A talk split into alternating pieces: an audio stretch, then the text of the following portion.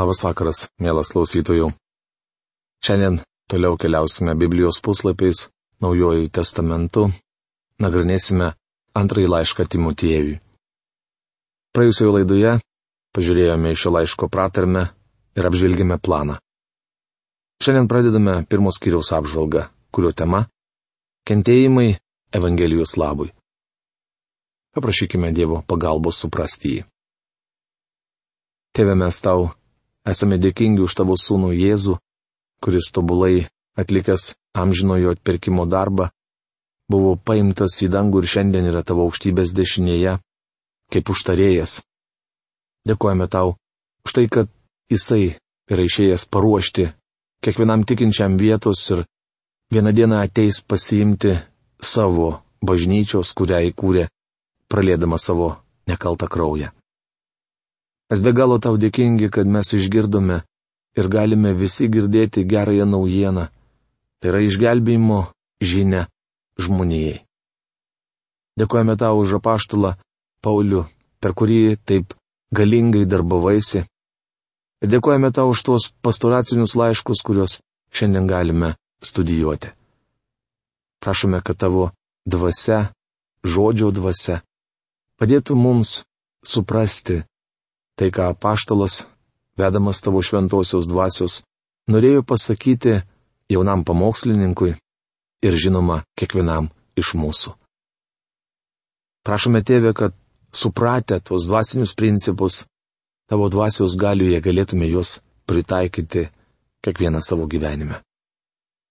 Prašome, kad viešpate per tai, ką mes darome, būtų pagarbintas tavo vardas. Meldžiame Jėzaus vardu. Amen. Įžanga. Paulius. Dievo valia Kristaus Jėzaus apaštalas pagal gyvenimo Kristuje Jėzuje pažada. Antras laiškas Timotėjui, pirmas skyrius, pirmą eilutę. Paulius Dievo valia Kristaus Jėzaus apaštalas. Kaip prisimenate, pradėdamas pirmą laišką Timotėjui, Paulius rašė. Dievo paliepimu. Kristaus Jėzaus apaštalas. Tai pirmas laiškas Timotiejui, pirmas skyrius, pirma eilutė. Kaip minėjau, Dievo įsakymai atskleidžia jo valią, tačiau jie nėra visa Dievo valia. Čia Paulius sako, Dievo valia Kristaus Jėzaus apaštalas pagal gyvenimo Kristuje Jėzuje pažada. Galbūt jums kyla klausimas, kaip priimamas pažadas. Mėly bičiuliai, jis priimamas tikėjimu. Tai vienintelis būdas įgyti amžinai gyvenimą. Dievas jums siūlo jį dovanai, o dovana priimama patikint jos davėjų. Taip pat ir amžinasis gyvenimas priimamas patikint jo davėjų. Viešpats Jėzus suteikia jums amžinai gyvenimą, kai patikite juo kaip gelbėtoju, iškentusiu bausmę už jūsų nuodėmę. Šiandien jis mainais į jūsų tikėjimą gali pasiūlyti jums dangų. Tikėdami juo ir eidami pas Dievą jo nurodytų keliu, atiduodate jam garbę. Taigi, bičiuliai, Žodžiai pagal gyvenimo Kristuje Jėzuje pažada aiškiai rodo, kad amžinai gyvenimą galima įgyti tik per Jėzų Kristų. Mylimam vaikui Timotiejui. Malonė, gailestingumas ir ramybė nuo Dievo tėvo ir mūsų viešpaties Kristaus Jėzaus. Antras laiškas Timotiejui, pirmas skyrius, antra eilutė. Savo pasisveikinime Paulius Timotiejų vadina mylimu vaiku, nes šis jaunuolis apaštalo širdžiai teikė daug džiaugsmo. Toliau jis pamini malonę, gailestingumą ir ramybę. Kaip atkreipėme dėmesį nagrinėdami pirmą laišką Timotiejui, apaštalo pasveikinime įterpta žodis gailestingumas, kurio nerasime kitų jo rašytų laiškų įžangose. Dievas parodo savo gailestingumą apsaugodamas mus nuo teismo ir pasmerkimo, kurio nusipelnėme. Paulius pripažino, kad jam reikėjo daug gailestingumo. Mielas bičiuliai, jo reikia ir mums. Laimiai Dievas apstus gailestingumo. Apaštalas pasisveikinimo žodžiais nuo Dievo tėvų ir mūsų viešpaties Kristaus Jėzaus pabrėžė Jėzaus Kristaus viešpatystę.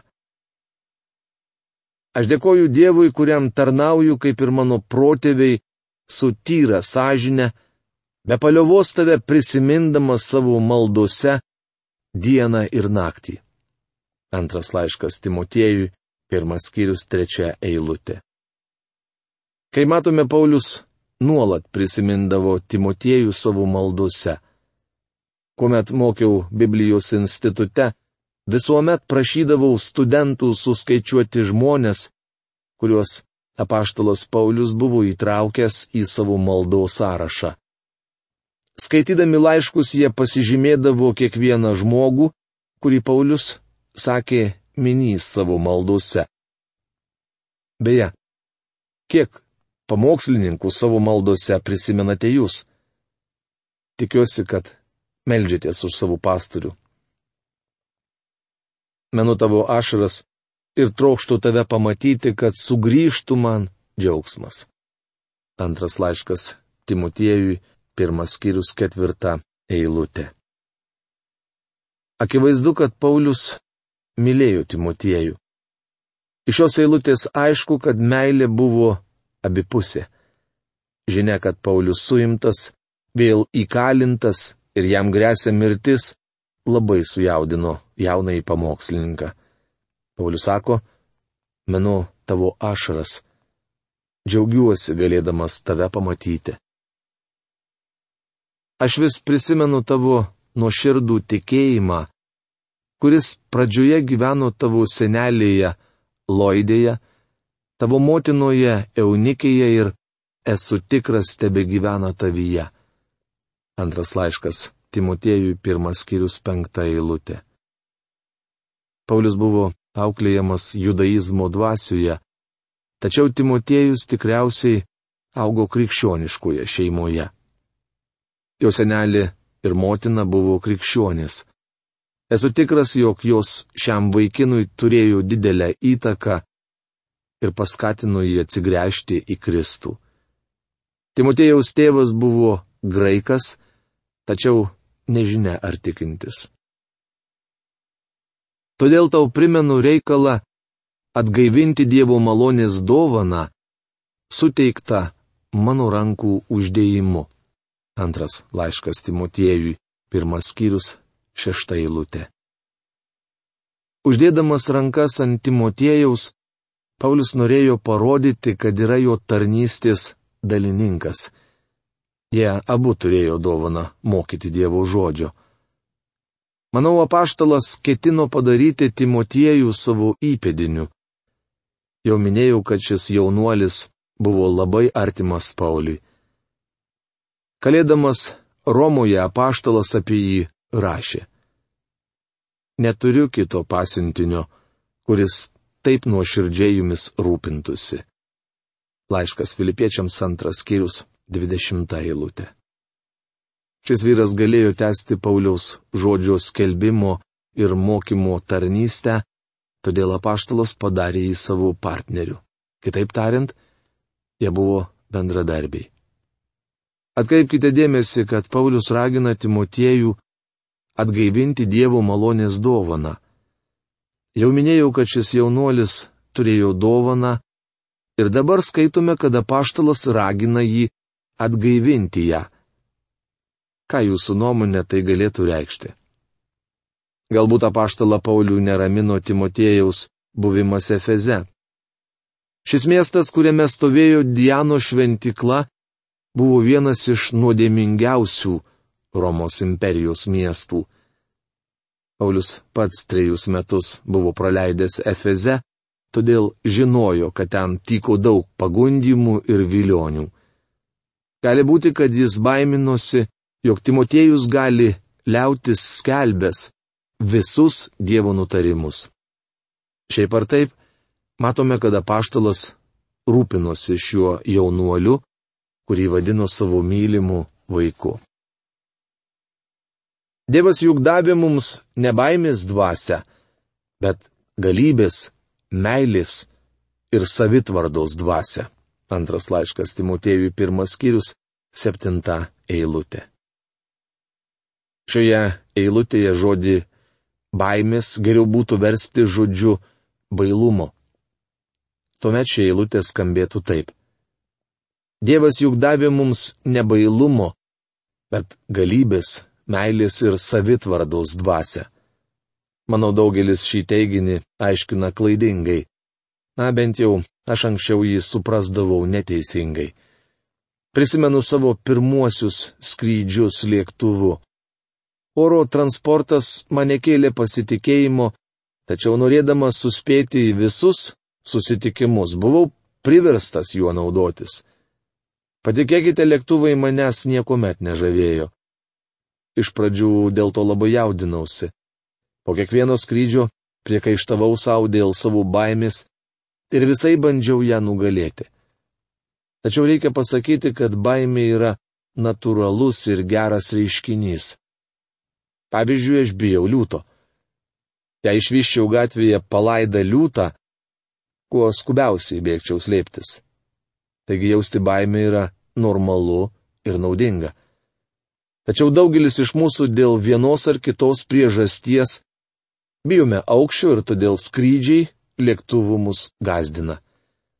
Aš melžiausi dėl to ir galvojau, kodėl Dievas nepanaikina mano baimės juk šioje eilutėje parašyta, Dievas juk davė mums nebaimės dvasę.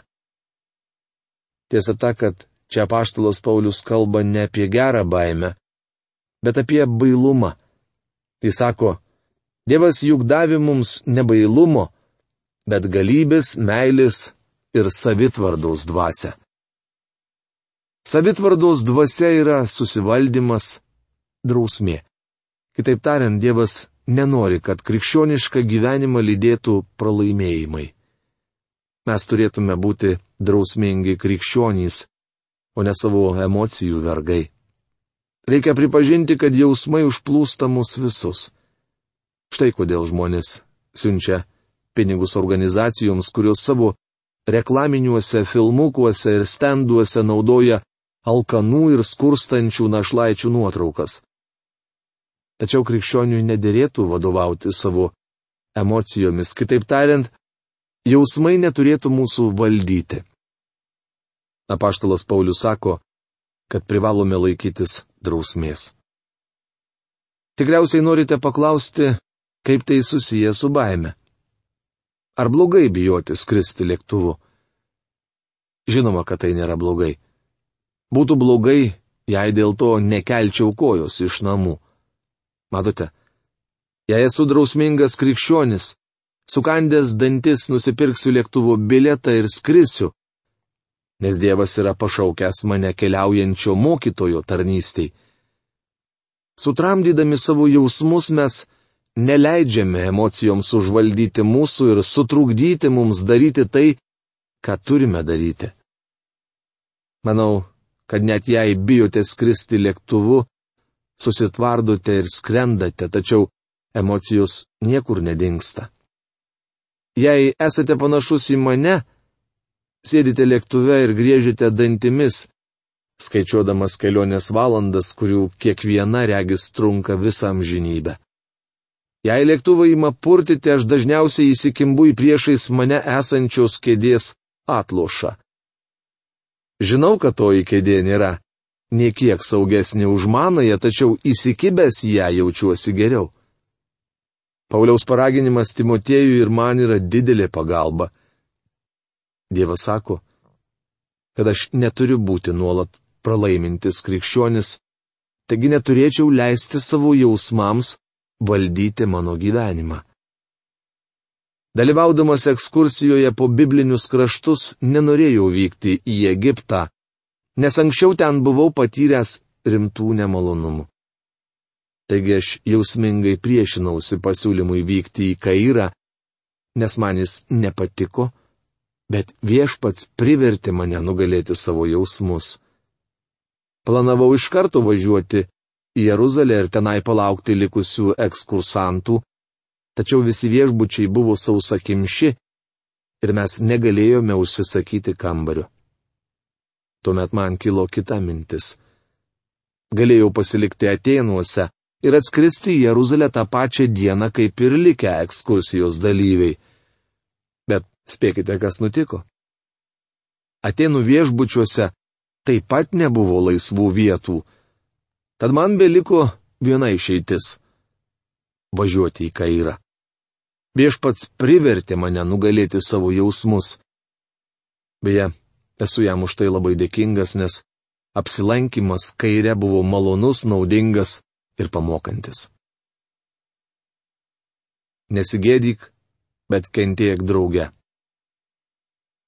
Todėl nesigėdyk mūsų viešpaties liudijimo nei manęs jo kalinio, bet drauge su manimi kentiek Evangelijos labui gale Dievo. Antras laiškas Timotiejui, pirmas skyrius, aštunta eilutė. Šį skyrių aš pavadinau kentėjimai Evangelijos labui, nes šiandien daugelis mano, jo gyventi krikščioniškai labai paprasta, gera ir malonu.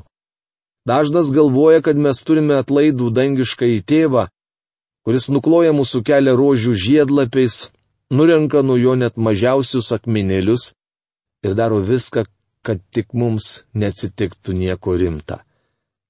Karta buvęs teisininkas atsiuntė man ištrauką iš vieno testamento.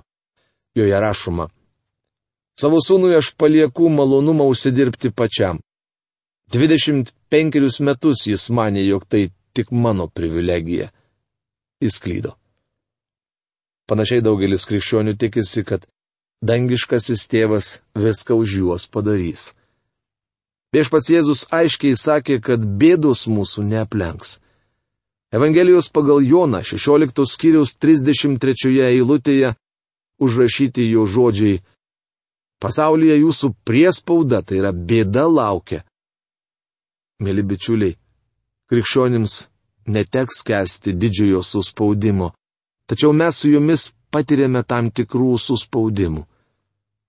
Samuelis Rutherfordas sakė, jei nebūtumėte šioje žemėje svetimi, pasaulio skalikai ant jūsų nelotų.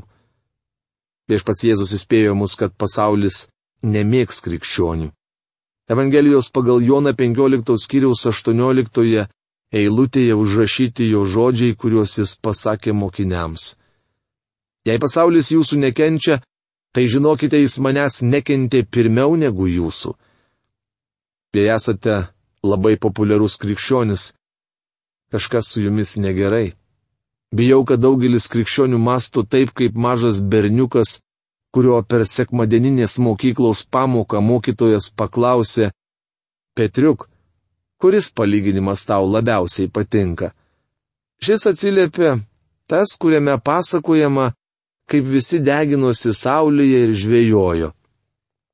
Tai aluzija į pasakojimą, kai Jėzus penkiais kepaliukais duonos ir dviem žuvimis pamaitino minę ne bičiuli.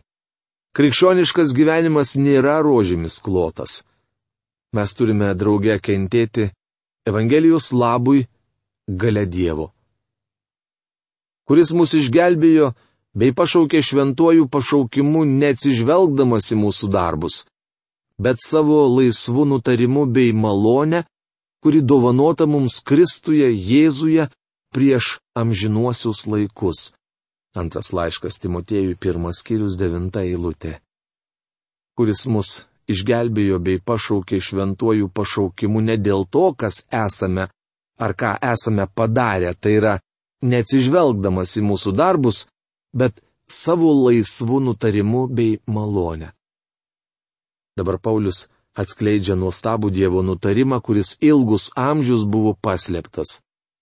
Senojo testamento laikais jis buvo slėpinys, tai yra neatskleista paslaptis, tačiau Naujajame testamente šis nutarimas atskleidžiamas.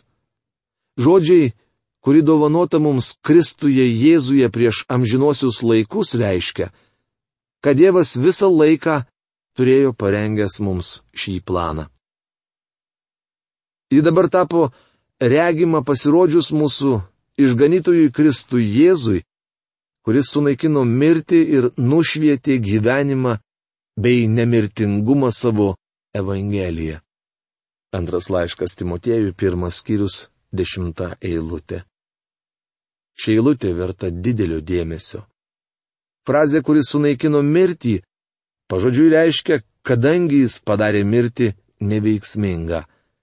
Dievo vaikui mirtis reiškia visai ką kitą. Kristus padarė ją neveiksmingą. Na, Dievas nepanaikino mirties. Prisiminkite, kad Paulius šį laišką rašė iš kalėjimo, laukdamas mirties nuosprendžio. Čia paštalas kalba ne apie fizinę, o apie dvasinę, amžiną mirtį, tai yra atskirimą nuo Dievo. Kristus iš tiesų panaikino dvasinę mirtį ir joks nusidėjėlis nėra verčiamas eiti į tokią vietą, kuris amžiams bus atskirtas nuo Dievo. Kristus yra mūsų tarpininkas. Vienintelis tarpininkas tarp Dievo ir žmogaus. Dievo tenkina tai, ką Kristus padarė dėl mūsų. O jūs, ar tenkina? O gal stengiatės išsigelbėti savo gerais darbais? Jums leidus pakartosiu, ką sakiau anksčiau. Žmogus negali būti išgelbėtas dėl savo tobulo paklusnumo, nes tobulas paklusnumas jam nepasiekiamas. O netobulas paklusnumas žmogaus neišgelbės, nes toks paklusnumas nepriimtinas Dievui. Vienintelis šią dilemą įspręsti gali tas, kuris sakė, aš esu kelias tiesa ir gyvenimas. Niekas nenueina pas tėvą kitaip, kaip tik per mane. Tai Jėzaus žodžiai užrašyti Jono Evangelijos 14 skyriaus 6 eilutėje. Aš esu jai paskirtas šaukliu, apaštalu ir mokytoju. Antras laiškas Timotėjui, pirmas skyrius, 11 eilutė. Paulius sakosi esas Dievo žodžio šauklys, apaštalas ir mokytojas. Kaip apaštalas Paulius turėjo keletą išskirtinių dovanų. Aš asmeniškai abejoju, ar šiandien kuris iš krikščionių turi daugiau negu vieną dovaną. Esu sutikęs pamokslininkų, kurie mane gali gėdoti, tačiau kas kart įsitikindavau, kad jie arba nemokėdavo gėdoti, arba nemokėdavo pamokslauti. Nemanau, kad Dievas tikintiesiems duoda daugiau nei vieną dovaną, nes pakankamai sudėtinga tinkamai naudoti ir tą vieną. Mielas klausytojų, šioje rašto dalyje mes su jumis sustosime ir kitoje mūsų laidoje pratesime antro laiško Timotėjui pirmos kiriaus apžvalgą. Tad iki greito pasimatymo. Sudė.